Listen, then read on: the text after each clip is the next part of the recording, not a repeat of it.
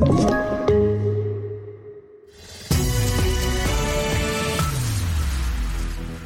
Det här är TV4-nyheterna där vi börjar med att berätta att jakten efter misstänkta från skjutningen i Linköping fortsätter.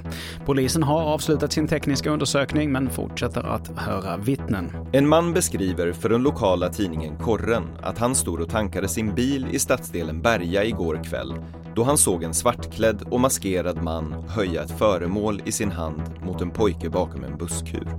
Sedan smällde det fyra, fem gånger. Polisen har inte bekräftat det signalementet eller händelseförloppet. Och där hörde vi journalisten Per Liljas. Polisen uppmanar alla som har sett någonting att höra av sig.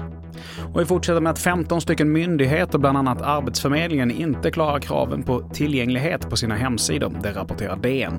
Bristerna handlar bland annat om att länkar och knappar inte kan uppfattas om man till exempel har nedsatt syn.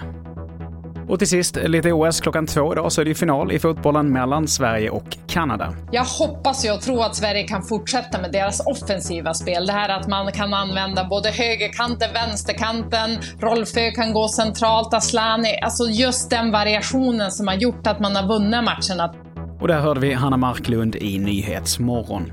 Det var det senaste ifrån TV4 Nyheterna. Jag heter Mattias Nordgren.